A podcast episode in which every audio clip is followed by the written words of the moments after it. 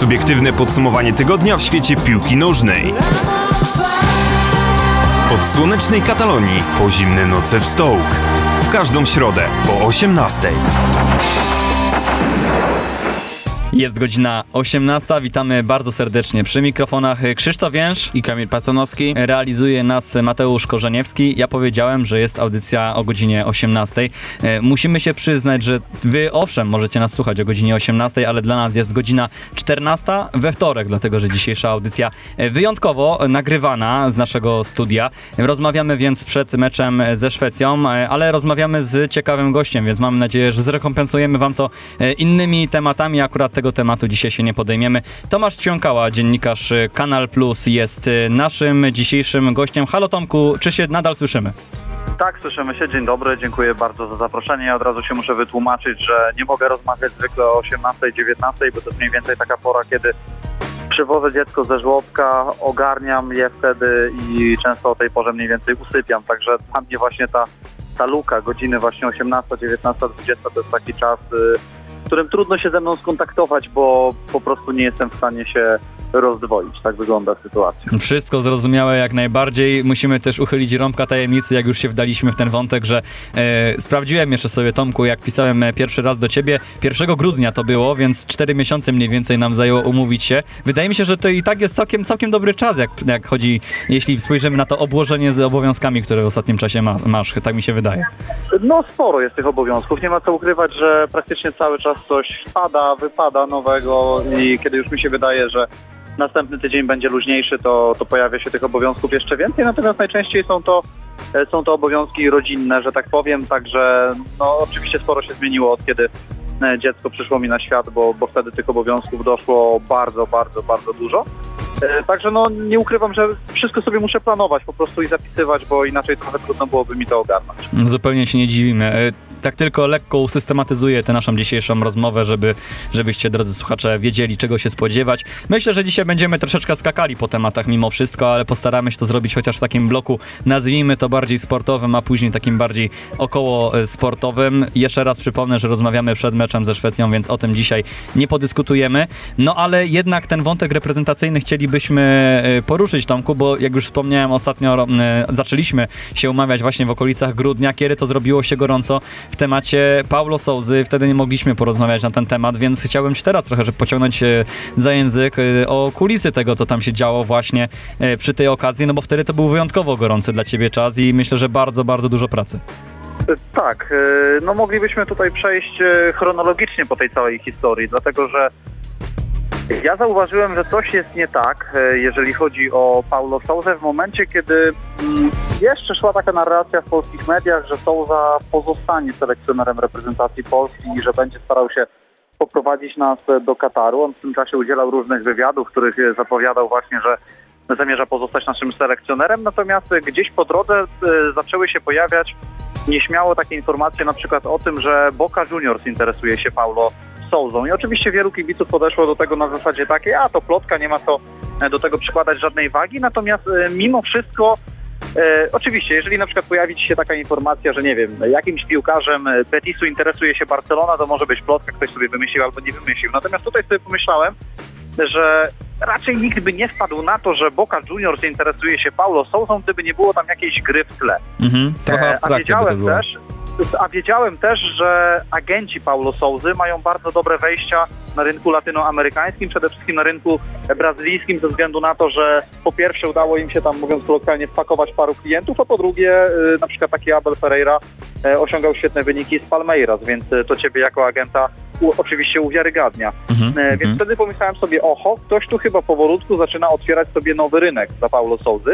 Natomiast oczywiście zakładałem, że ten rynek jest otwierany z myślą przede wszystkim o tym, co wydarzy się po playoffie. Nawet nie po mundialu, tylko po prostu po samych mistrzostwach świata, czyli po tym pierwszym, e, po, po playoffie, czyli po tym pierwszym meczu z Rosją, no bo wtedy zakładaliśmy, że będziemy grać z Rosją. Mhm. E, W tym czasie, tak jak mówię, Souza udzielił kilku wywiadów, natomiast pojawiły się kolejne informacje. Flamengo, e, z tego co pamiętam Atletico Mineiro i tak dalej. I nagrałem taki odcinek e, na mojego YouTube'a, w którym pochyliłem się nad tym, że moim zdaniem coś jest na rzeczy. Nie miałem wtedy żadnych informacji. To było czyste czytanie między wierszami, natomiast e, czułem, że coś tam faktycznie się dzieje wokół Paulo Souzy, no i po kilku dniach rzeczywiście to wszystko się e, potwierdziło, że zachował się po prostu bardzo nieładnie. E, W wywiadach w polskich mediach mówił jedno, podpisał kontrakt z Flamengo, przy okazji negocjował jeszcze z Atletico Mineiro, jeżeli się nie mylę, bo nie, bo nie pamiętam już w tym momencie. No i tyle, no skończyło się, skończyło się dość dziwnie, skończyło się z dużym niesmakiem, ponieważ Paulo Souza e, podczas swojej prezentacji, czy podczas swojego powitania, podczas jednej z pierwszych wypowiedzi, kiedy już był szkoleniowcem Flamengo, powiedział, że projekt reprezentacji Polski się zakończył. No właśnie nie zakończył się. I to mnie najbardziej uderzyło w tej całej historii, bo gadanie takich bzdur, że projekt się zakończył, jak się zakończył? Jeżeli ty na przykład pracujesz w, y, korporacji albo ktoś ci, ktoś ci każe napisać na uczelni pracę licencjacką na powiedzmy 60 stron, napiszesz 50 i co powiesz wykładowcy, przepraszam, projekt się zakończył? No nie zakończył się.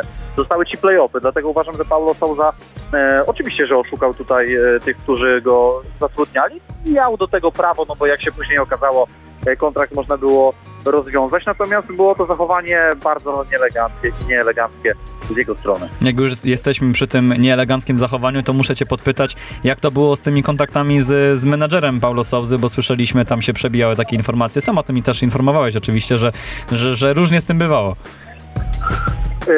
Ja miałem okazję poznać agenta Paulo Souzy, nie wiem, z 8 lat temu pewnie, kiedy przeprowadzał różne transfery do, do polskiej ligi. Wtedy byliśmy na jednym czy dwóch obiadach, a natomiast to nie jest jakiś mój kolega. Po prostu sporadycznie raz na jakiś czas wymieniliśmy jakieś wiadomości, on czasami zapytał o jakiegoś piłkarza i tak dalej, i tak dalej. No bo ten agent już funkcjonował na polskim rynku. Mhm. E, no to oczywiście od dłuższego czasu teraz nie mieliśmy żadnego kontaktu, aż nagle napisał do mnie na Messengerze, że gratuluje moich wypowiedzi na temat Paulo Souzy, tylko że tu chodziło o moje tweety. Mhm. Nie o te filmiki, które nagrałem, bo filmiki były później. Chodziło mu o tweety e, i że gdybym był coś tam poważnym dziennikarzem, czy dobrym dziennikarzem, to zapytałbym go najpierw o jego zdanie, w sensie albo Souza, albo tego agenta. Ja mówię, no to weź sobie przewin kilka wiadomości wstecz, bo pytałem, nie dostałem odpowiedzi. E, Mało tego, po, po całej aferze, nawet po nagraniu filmików, e, ogarnialiśmy taki program w Kanal Plus, który się nazywał Debata Plus o Mhm. O tym, co będzie z Paulo Souzą, jeszcze chyba przed podpisaniem kontraktu z Flamengo i powiedziałem mu, chcemy się z wami połączyć, albo z tobą, albo z samym Paulo. Oni z tego nie skorzystali, więc moim zdaniem ja zachowałem się tutaj e, w porządku, natomiast mam prawo wyrażać swoje zdanie i, e, i w żaden sposób też tego Paulo Souzy nie obrażałem, bo on nie miał prawa na przykład, nie wiem, podać mnie do sądu o to, że ja e, korzystałem z jakichś obelg czy inwektyw, czy coś w tym stylu. Ja po prostu wyraziłem swoje zdanie, bo uważam, że Paulo Souza może być niezłym trenerem, ale jest człowiekiem niegodnym podania ręki. Mam do tego prawo. E, no i tyle. I on coś tam tłumaczył, że gdybym ja był na ich miejscu, to bym to lepiej zrozumiał. Coś mniej więcej w tym stylu. Natomiast to, tu naprawdę nie chodzi o to, że ja nie rozumiem Paulo Souzy, że on przyjął Flamengo. Tylko można było to rozegrać lepiej. No zachował się w sposób po prostu skrajnie e, nieelegancki i tyle. A do kontaktu z agentem Paulo Souzy nie mam. E, No i, no i tyle, no nie potrzebuję tego kontaktu. No tak, życia. tak. No Ja wolę to- być, wolę, wiesz, wo- wolę być wiarygodny i wolę e, spojrzeć sobie w lustro niż e, utrzymywać na siłę kontakty z różnymi agentami. Natomiast tu jest jeszcze jedna kwestia, bo nagrałem ten filmik po portugalsku do kibiców przede wszystkim Flamengo na temat Paulo Souzy. Mhm. E, Natomiast to też nie jest tak, że ja w tym filmiku jakoś tak, bo wszyscy tak myśleli, że jakoś tak objechałem tego Paulo Souza od A do Z. Nie, ja w tym filmiku wbrew pozorom e, pokazałem wiele pozytywnych stron jego pracy, bo ja nie uważam go za złego trenera, uważam go za średniego trenera, który pewne rzeczy robi dobrze, pewne rzeczy robi źle. I te rzeczy, które robi dobrze, też naświetliłem w tym filmiku. Dlatego to nie było tak, że nagle e, ja jak jakiś pitbull uczepiłem się nogawki od spodni tego Paulo Souzy i tak szarpałem, szarpałem, szarpałem coś w tym stylu, tylko po prostu przedstawiłem jego pracę. I wydaje mi się, że dlatego ten filmik też tak e, mocno poszedł w brazylijskich mediach, bo oni widzieli, że to nie jest e, jakby żal polskiego kibica, selekcjoner nas zostawił, ja teraz będę płakał, tylko po prostu przedstawienie jego sytuacji. Tak. Że to jest trener, który pewne rzeczy może u was we Flamengo zrobić dobrze, natomiast nie możecie się zdziwić, nie zdziwicie się, jeżeli pojawi się na przykład oferta z Benfiki na kilka kolejek przed końcem sezonu Ligi Brazylijskiej, on powie, że projekt jest zakończony.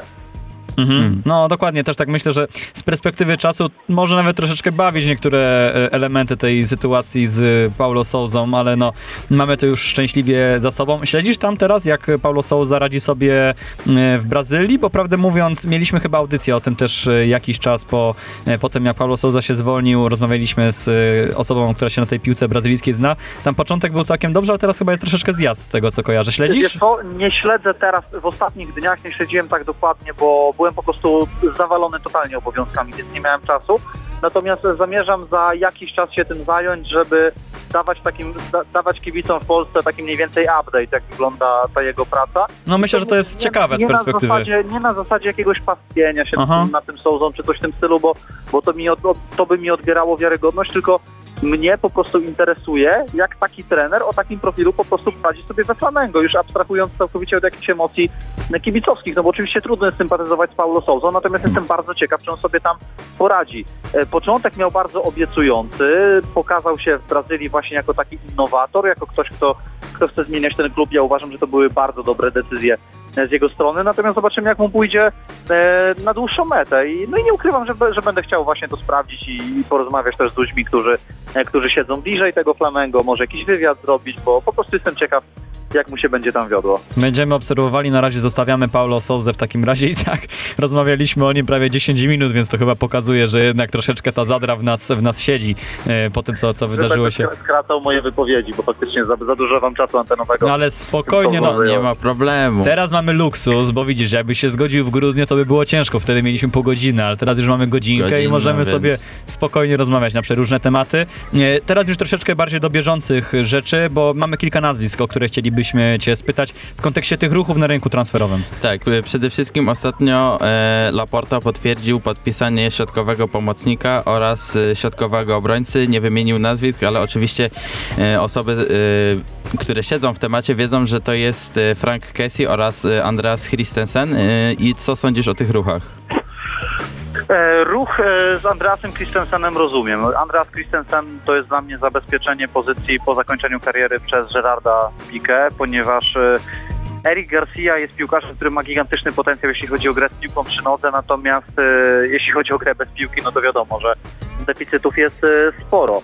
E, Czy Ronald Araujo pozostanie w Barcelonie, to też nie jest pewne, dlatego Barcelona musiała pomyśleć o ściągnięciu e, środkowego obrońcy. Barca będzie Mhm. miała ten problem, że teraz ma bardzo wielu prawonożnych stoperów, oczywiście w tak dużym klubie jak Barca, to każdemu będzie zależało na tym, żeby e, był prawonożny stoper i lewonożny. Dlatego no, oni teraz postawili przede wszystkim na prawonożnych, natomiast Andreas Christensen to jest piłkarz, który powinien w Barcelonie sobie poradzić. To jest po prostu bardzo dobry środkowy obrońca, fajna okazja rynkowa i z tej okazji Barcelona skorzystała, bo też zgadzam się z Szawim, że każdy piłkarz chciałby kiedyś trafić do Barcelony albo do Realu Madryt, bo no, trzeba wziąć pod uwagę też to, jak się żyje w Barcelonie, a żyje się fantastycznie. Mhm. Jeśli chodzi o Franka Kessiego, e, to jest dla mnie taka antyteza środkowych pomocników, którzy w tym momencie są w Barcelonie. I to jest dla mnie taki ruch ala Paulinho albo Arturo Vidal, czyli Barca chciała ściągnąć piłkarza bardziej bazującego na takich walorach fizycznych niż stricte piłkarskich. E, Czy ktoś na tym straci? Jeżeli ktoś, to prawdopodobnie Nico Gonzalez.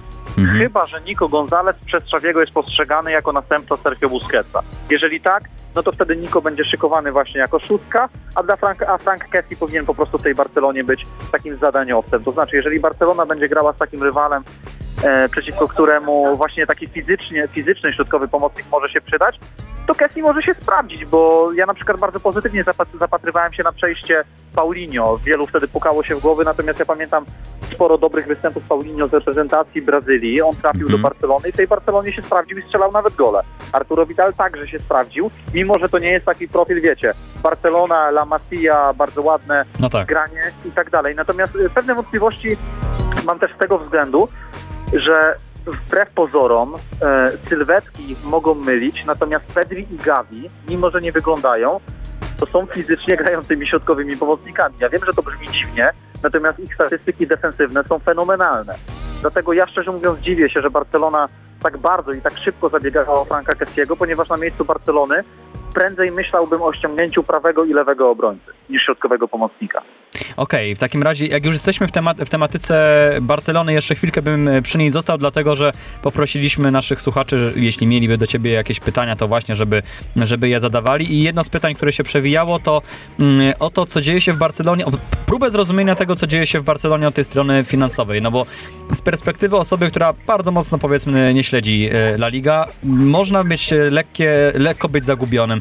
Chwilę temu Barcelona stoi nad przepaścią. Wydaje się, że klub już praktycznie wchodzi w nową, dużo gorszą dla siebie erę. Tymczasem sprowadza się chociażby Aubameyanga, Traore. Oczywiście to nie są piłkarze, którzy w ostatnim czasie błyszczeli, mówiąc bardzo euf- eufemistycznie, bo, bo, bo to mało powiedziane w przypadku tych dwóch zawodników. No ale jednak są to zawodnicy na jakimś poziomie.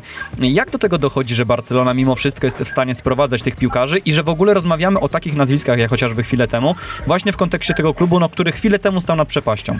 To wszystko wynika z fenomenalnej pracy na poziomie sportowo-finansowym wykonanej przede wszystkim przez Mateu Alemaniego, ponieważ Barcelona musi teraz działać bardzo kreatywnie i bardzo skrupulatnie, jeżeli chodzi na przykład o pilnowanie różnych terminów, żeby wiedzieć na jaki okres zapisać poszczególne straty, jak porozpisywać poszczególne kontrakty, ile piłkarz powinien zarabiać w tym roku, ile w kolejnym. Piłkarze przychodzący do Barcelony, tak bardzo upraszczając, decydują się na stosunkowo niskie pensje. Pierre-Emerick Aubameyang w Barcelonie nie zarabia bardzo dużo, plus potencjalnie może oczywiście zarobić więcej e, w przyszłości.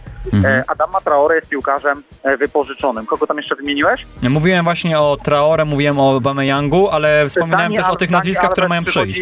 Dani Alves przychodzi na najniższej pensji. Tak, no to- to akurat moim tak. zdaniem, moim zdaniem też dostaną dużo niższe pensje niż te, które mogliby otrzymać na przykład w klubach Premier League. Natomiast Mateo Alemani wykonał tyle dobrą pracę, że ogarnął sprawę kontraktu Samuela Umtitiego, która była skomplikowana. On po prostu przedłużył ten kontrakt, ale dzięki temu finanse można było ogarnąć. E, Udało się wypożyczyć Coutinho do Aston Villa, udało się wypożyczyć Antoana Griezmana e, do Atletico, udało się przekonać wielu piłkarzy do obniżenia e, płac. E, Nie udało się zrobić wszystkiego, no bo cały czas nie do końca jasna jest sprawa Usmana Dembele nie wiadomo, co będzie z tym piłkarzem.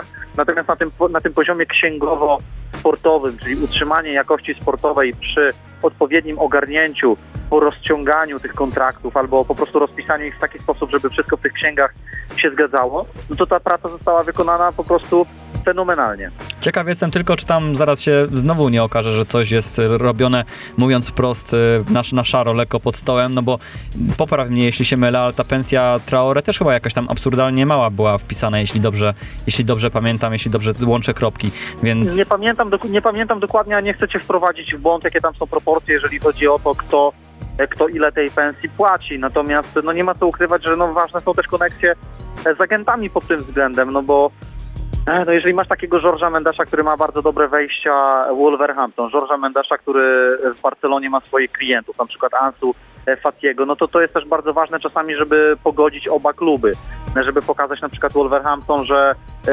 potencjalnie, jeżeli odda tego Adamę Traore na przykład Barcelonie na, na niskiej pensji, to kiedyś to Wolverhampton w jakiś sposób zyska. No to jest naprawdę tysiąc czynników i można byłoby pewnie usiąść przy tym, tylko trzeba byłoby mieć przed sobą faktycznie liczby, żeby móc to Mhm. Tak miarodajnie e, i rzetelnie przedstawić, bo, bo, bo trudno jest to wszystko e, powymieniać. Natomiast mówię, no e, Mateu Alemani to jest człowiek, który wykonał genialną pracę w Barcelonie i tak jak ja miałem pewne obiekcje w stosunku do, do Joana Laporty i pewne wątpliwości a propos jego sposobu działania, bo w dużej mierze Laporta jest populistą. Oczywiście populizm jest też potrzebny, natomiast moim zdaniem on tym populizmem przesadzał. Tyle Mateu Alemani jest naprawdę wspaniałym fachowcem ja miałem przekonanie do Alemaniego już na podstawie tej pracy, jaką on wykonał w Walencji, Mhm. gdzie też miał trudną sytuację, gdzie też momentami mógł mieć związane ręce, gdzie była presja, gdzie był problem z właścicielem, który e, generalnie w Walencji się nie pojawia, bo siedzi w Singapurze, a to była taka Walencja, która potrafiła awansować rok po roku do Ligi Mistrzów, e, która potrafiła, potrafiła eksponować piłkarzy, no i no mówię, wyjęcie Mateo Alemaniego to był majstersztyk. Wyjęcie, no nie, nie wyjęcie, tylko po prostu wzięcie do Barcelony, no bo on wcześniej tej Walencji odszedł. Chciałbym zostać jeszcze przy tematyce transferowej, ale trochę bliżej e, serc Polaków, ponieważ e, Sebastian Szymański jest blisko podpisania kontraktu w Realu Sociedad. Przynajmniej tak e, mówią hiszpańscy dziennikarze. Faktycznie pojawiły się takie informacje, natomiast wiecie co, ja, ja do hiszpańskich dziennikarzy mam duży dystans, jeśli chodzi o różne plotki transferowe, bo oni ich produkują multum, a sprawdza się relatywnie niewiele, natomiast wydaje mi się, że tutaj rzeczywiście coś może być e, na rzeczy. E, Tym bardziej, że po drodze bardzo poważnej kontuzji doznał Mikel Oyarzabal. To oczywiście nie jest piłkarz e, podobny do Sebastiana Szymańskiego, bo Oyarzabal to jest e, taki ofensywny pomocnik, fałszywa dziewiątka, piłkarz, który może zagrać na skrzydle. Sebastian Szymański dla mnie jest takim albo fałszywym bocznym pomocnikiem, albo dziesiątką. Na przykład w ataku go nie widzę. E, Natomiast niewykluczone, że z Realem Sociedad pożegna się Dawid Silva po tym sezonie. Nie, nie wiadomo, co będzie z Rafinią. To jest też taka kwestia. E, dlatego no, tam zawsze było miejsce dla takich kreatywnych, lewonożnych piłkarzy właśnie, bo jest Dawid Silva, e, jest Rafinha, wcześniej był Sergio Canales, Mikel Merino grający pięterko niżej także jest lewonożny, więc myślę, że ten Real Sociedad to może być naprawdę bardzo ciekawe rozwiązanie dla Sebastiana Szymańskiego i, i mam nadzieję, że jeżeli tam trafi, to nie odbije się od tego klubu, no bo to jest świetnie wyszkolony piłkarz przede wszystkim i wydaje mi się, że też na tyle inteligentny, jeśli chodzi o taktykę, że, że poradzi sobie z Ligą Hiszpańską. Po drodze też zaliczył przeskok, e, zaliczył takie przetarcie w lidze mocniejszej niż Polska, czyli w lidze rosyjskiej, więc e, Mhm. mam nadzieję, że do tego transferu dojdzie też po to, żeby Sebastian Szymański po prostu wydostał się z Rosji. No tak, tak. E, Zostajemy jeszcze przy tematyce La Liga, ponieważ e, jest tam e, wiele nazwisk, o których paradoksalnie mało się mówi, a powinno się mówić więcej. I czy mógłby pan jakieś właśnie takie nazwiska, zaskoczenia pewne w La Przede Lidze? wszystkim to nie mówcie mi na pan, od tego zacznijmy. No, po- postarzeliśmy teraz, a, a wiesz co, jest Tomku takie jedno pytanie z tej kategorii, ale to dobrze, to może w, dru- w drugiej części naszej rozmowy poruszę, bo mam pytanie o, o, od kolegi, dobra, zrobię to teraz. Kolega też właśnie się pyta, jakie kosmetyki stosuje, że tak młodo wyglądasz, bo jest w twoim wieku i mówi, że dużo starzej wygląda, wiesz?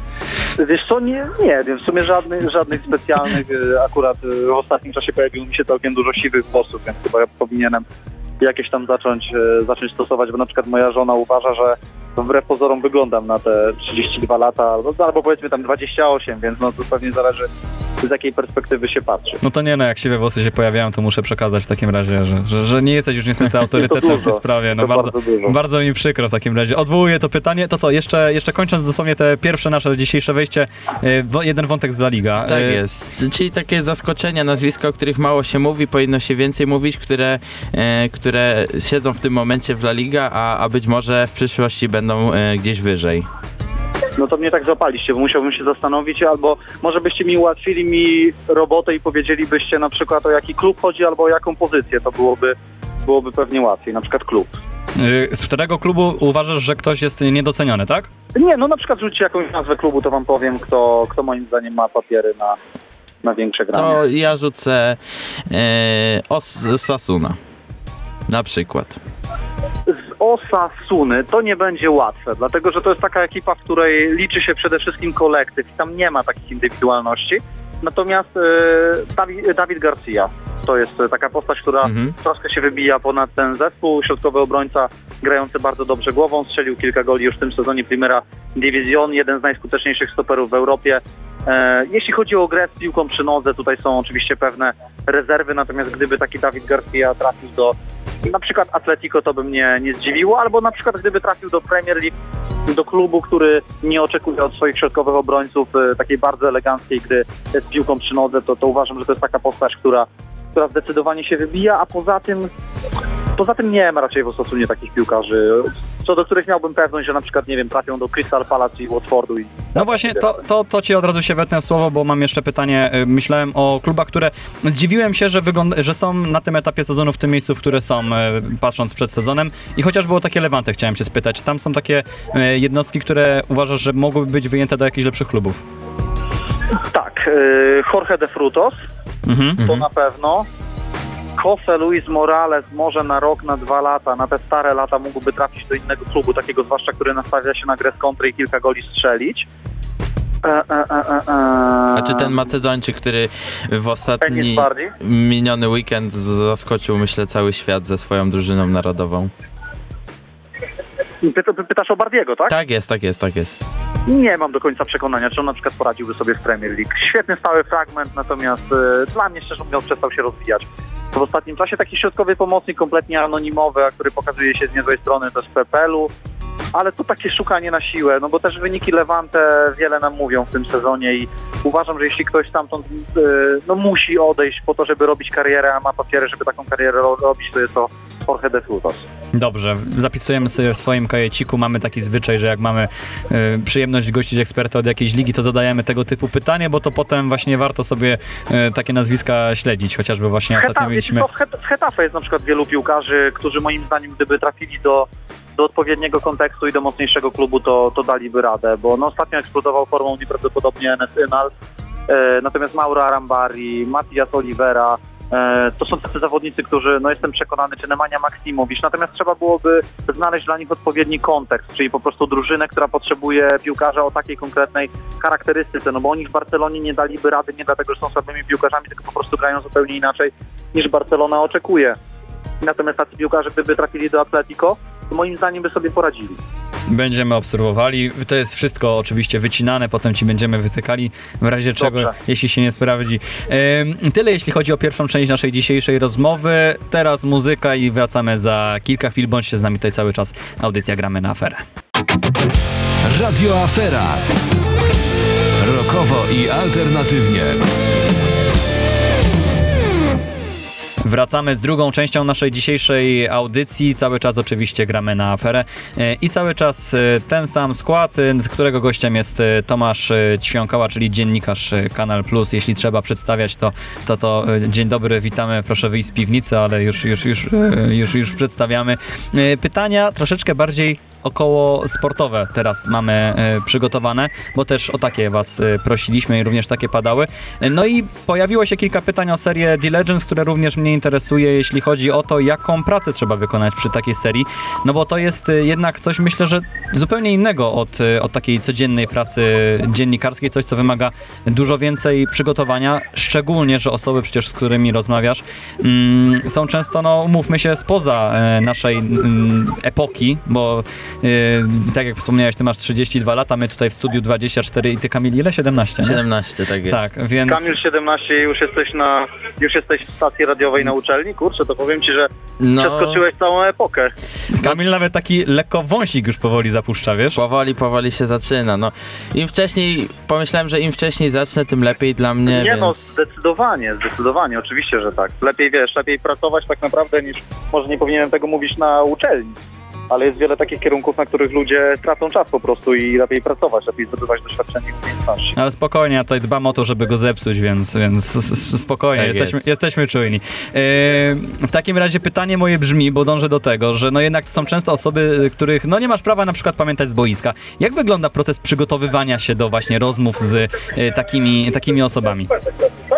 No takim przykładem jest Zico chociażby, czyli zawodnik, który występował w latach 70. i 80. Ja urodziłem Mhm. się w 89 roku, więc nie mam prawa tego gościa pamiętać z boiska, natomiast no w dużej mierze opieram się na artykułach, na książkach, na różnych wywiadach. No oczywiście są też klipy na YouTubie, natomiast nie ma co ukrywać, że e, trudno jest e, taką piłkę z lat 80. dopasować do tego, co oglądamy dzisiaj. Dlatego ja na przykład w prawie każdym wywiadzie lubię zadać takie pytanie e, tym postaciom e, też po to, żeby na przykład młodszym kibicom łatwiej było sobie wyobrazić takiego zawodnika, kogo ci piłkarze przypominają, do kogo oni by się porównali właśnie z aktualnych czasów.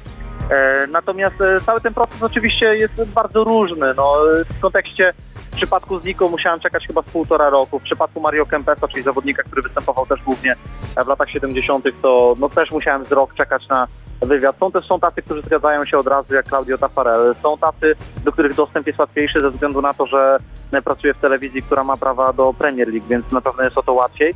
Natomiast bardzo różnie z tym bywa. No nie ma co ukrywać, że jeżeli reprezentujesz e, polską telewizję, no to trudniej jest przekonać poszczególne osoby, niż gdybyś na przykład reprezentował telewizję e, amerykańską, gdzie oni wiedzą, Mhm. że zasięg takiego wywiadu po prostu byłby dużo większy, a nie ma co ukrywać, że wielu tym osobom po prostu zależy na zasięgu przy wystąpieniach publicznych, dlatego no muszę szukać różnych argumentów, żeby ich, żeby ich przekonać, ale fakt, no, że zdarzały się takie sytuacje, kiedy e, pewien argentyński piłkarz na przykład e, powiedział, no, no spoko, spoko, spoko, ale jaki kraj? Polska. E, to nie. No to no, takie to jest średnio przyjemne, no ale cóż, no idziemy dalej, szukamy następnych. Bardzo, bardzo to z naszej perspektywy osób, które no nie mają jeszcze przyjemności tak, prowadzenia takich rozmów wygląda. No brzmi to abstrakcyjnie troszeczkę, że, że takie jest podejście, ale, ale no, nie dziwimy się koniec końców, no bo jednak to są osoby z, z no, bardzo wysokiej półki. Pytam dlatego e, o to nawiązywanie kontaktu, o te właśnie, o, o to, że ty nie znasz ich z boiska, nazwijmy to w ten sposób, tych piłkarzy, bo myślę, że w takich rozmowach szczególnie istotne jest takie nawiązanie po prostu takiej dobrej relacji, kontaktu, nazwijmy to z, taką, e, z takim rozmówcą. Mm, No a jednak łatwiej to się robi, jeśli pamiętasz, zamykasz oczy i masz przed oczami jakieś najbardziej spektakularne akcje e, danego zawodnika albo jakieś ważne bramki.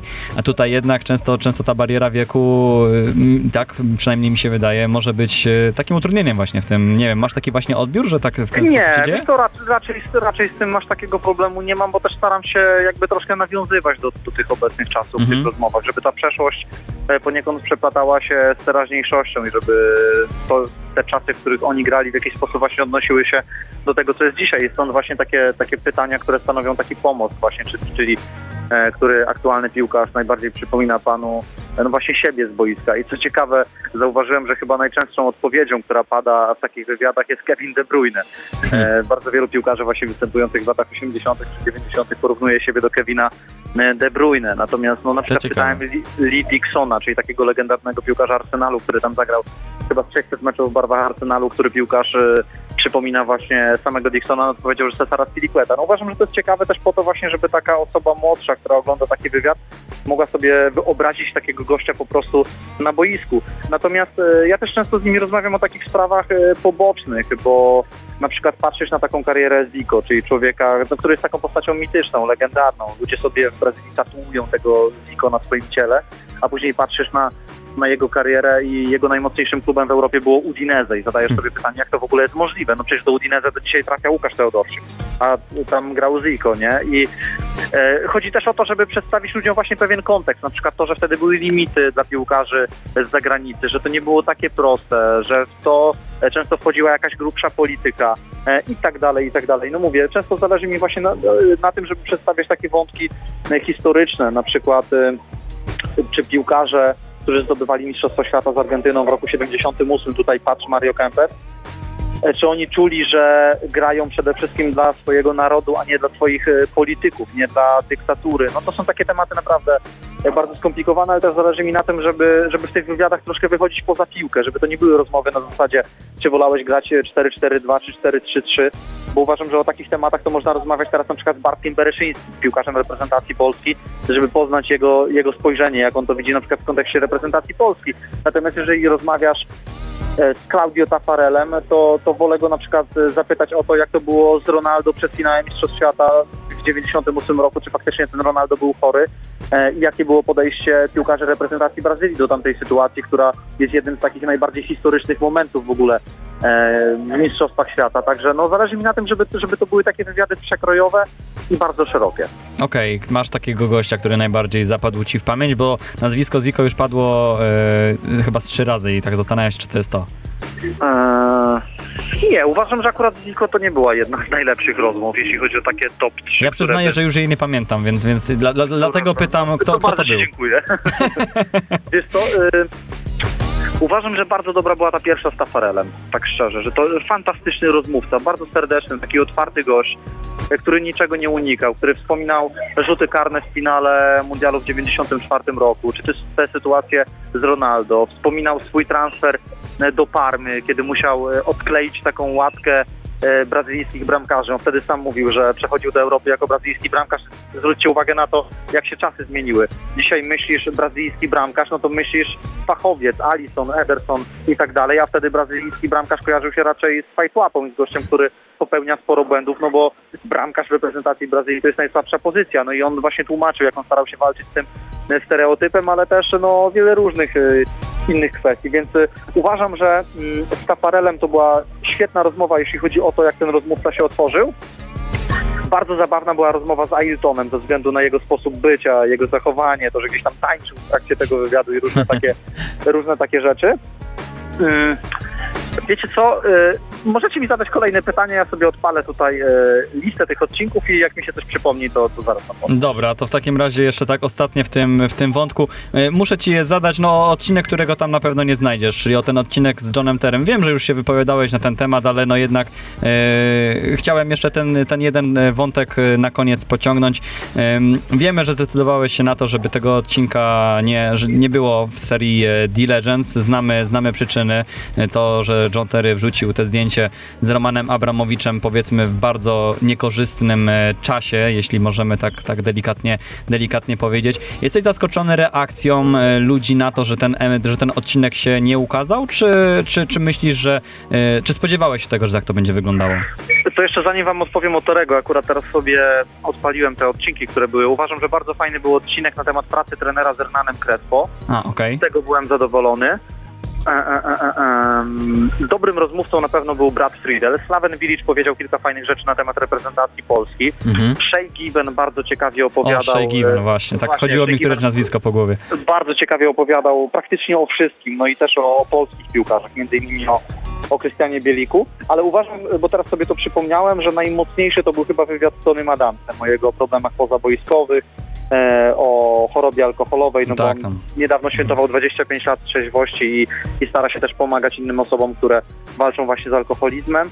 Takim przytłaczającym wywiadem była rozmowa z Endym Colem, bo, no bo to jest gość, który zmaga się z depresją i widać było po nim, tak upraszczając, że jest strasznie smutny i no, to nie jest tak, że się źle czułem podczas tego wywiadu, tylko strasznie mi było szkoda tego gościa, no bo to był jeden z moich ulubionych piłkarzy w dzieciństwie i miałem jego plakat Andy Cole z White Yorki. E, akurat tego gościa naprawdę pamiętam, bo to były te czasy, od kiedy zacząłem się interesować piłką, a no gość był tak przybity, że naprawdę no nie było nawet takiej połowy uśmiechu w trakcie tego wywiadu, mimo że tam potraktował mnie poważnie i że ta rozmowa była e, bardzo fajna. Natomiast e, co do Johna Terego, trochę mi jest szkoda tego wywiadu o tyle, że John Terry jest świetnym rozmówcą i opowiadał bardzo fajne rzeczy o Chelsea, o Matim Kaszu, o swoich planach i tak dalej. Natomiast kiedy mamy czas wojny z Rosją e, i kiedy jednym z głównych elementów tej wojny jest e, walka sankcje w stosunku do oligarchów, jednym z głównych oligarchów, poniekąd reprezentujących właśnie Władimira Putina i naj, albo inaczej, najbardziej kojarzonych z Władimirem Putinem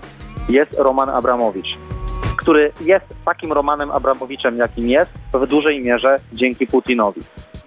Jeżeli cały świat stara się także w ramach takiej wojny propagandowej y, pokazać, że ci oligarchowie to jest ten krąg najbliższy Władimirowi Putinowi i że trzeba ich odsunąć, że trzeba im zabierać majątki, jachty i tak dalej.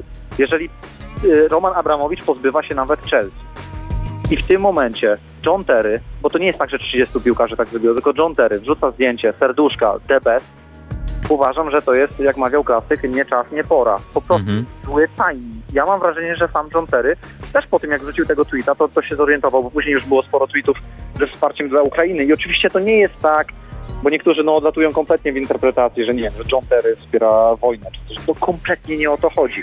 Tylko chodzi o to, że jeżeli, jeśli już chcesz podziękować temu Abramowiczowi, to zrób to prywatnie. No jestem przekonany, że nie wiem, Claude Makelele podziękował mu prywatnie, czy Petr Czech, czy, czy ktokolwiek inny.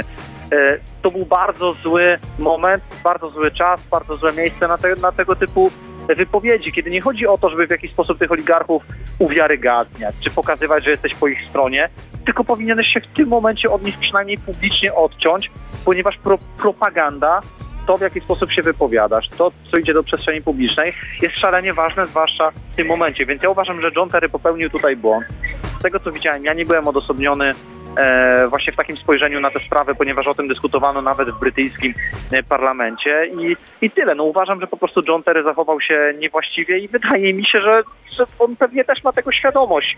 I cała historia, no nie wiem, co więcej mogę dodać. No nie no, my się tutaj z tobą zgadzamy. Pytałem, pytałem bardziej w kontekście, czy byłeś zaskoczony reakcją e, tutaj Wiesz wewnętrzną. to nie do końca, dlatego że y, kiedy przeglądałem tweety krytyczne, y, jakieś takie odpowiedzi krytyczne, ja spodziewałem się, że to będzie sytuacja, która wywoła, bo ktoś mi pisze, że ja to zrobiłem pod lajki, coś w tym stylu. Słuchajcie, ni lajki nic nie dają. Dla mnie tak naprawdę najwygodniej byłoby zostawić ten wywiad i mam czyste papcie przez miesiąc, mam wywiad ogarnięty. Nie muszę szukać następnego rozmówcy, no pełen komfort. No tak. E, Natomiast e, Zgubiłem wątek troszkę. Że natomiast już spodziewam się, e, chyba skończę to Aha, zdanie za jeśli- ciebie, że jeśli te chodzi- konta jeśli pewnie... te- nie, jeśli chodzi o te negatywne reakcje, Mhm. e, to miałem takie wrażenie, że 9 na 10 to byli kibice Chelsea po prostu, No tak. więc no, A, szczerze, okej. mówiąc, szczerze mówiąc tego się absolutnie spodziewałem.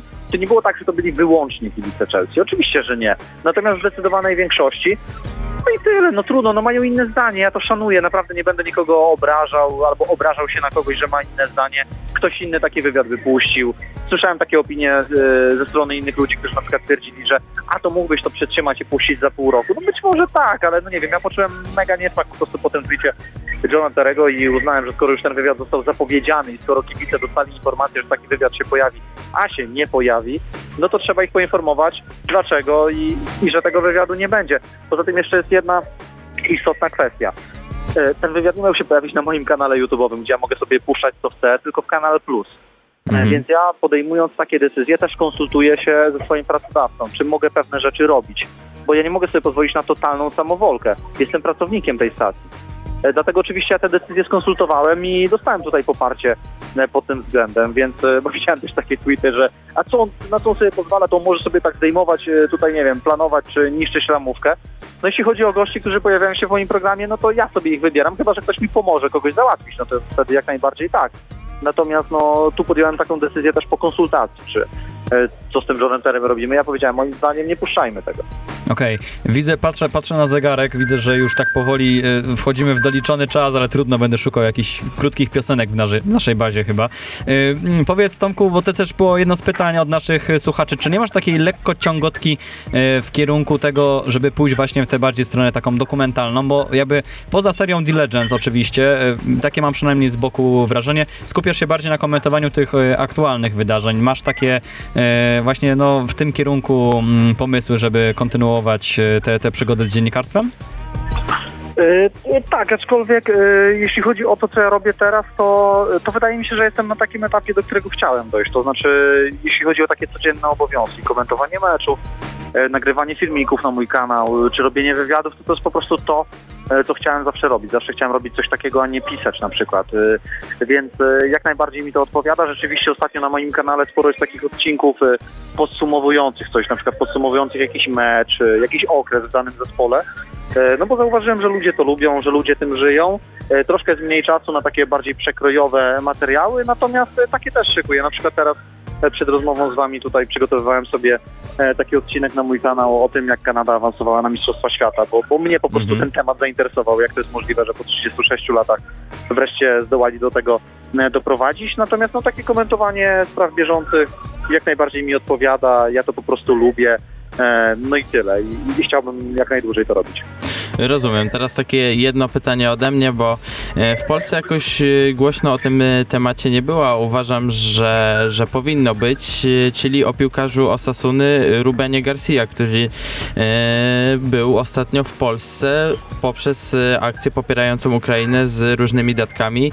Będzie o tym głośno. Wiesz, przepraszam, że ci się wtrącę, ale będzie o problemu. tym głośno, ponieważ Kuba Kręcidło, czyli mój kolega redakcyjny, pojechał się spotkać z Rubenem Garcją, widział dokładnie jak, jak to wszystko wygląda, czyli ta e, cała pomoc e, piłkarza Osasuny e, właśnie dla Ukraińców, także my na pewno powiemy o tym więcej Wola La Liga w naszym programie, Mhm. który jest co poniedziałek w Kanal Plus. Na pewno postaramy się to wyeksponować, ponieważ uważam, że, że Ruben Garcia wykonał tutaj po prostu fenomenalną pracę.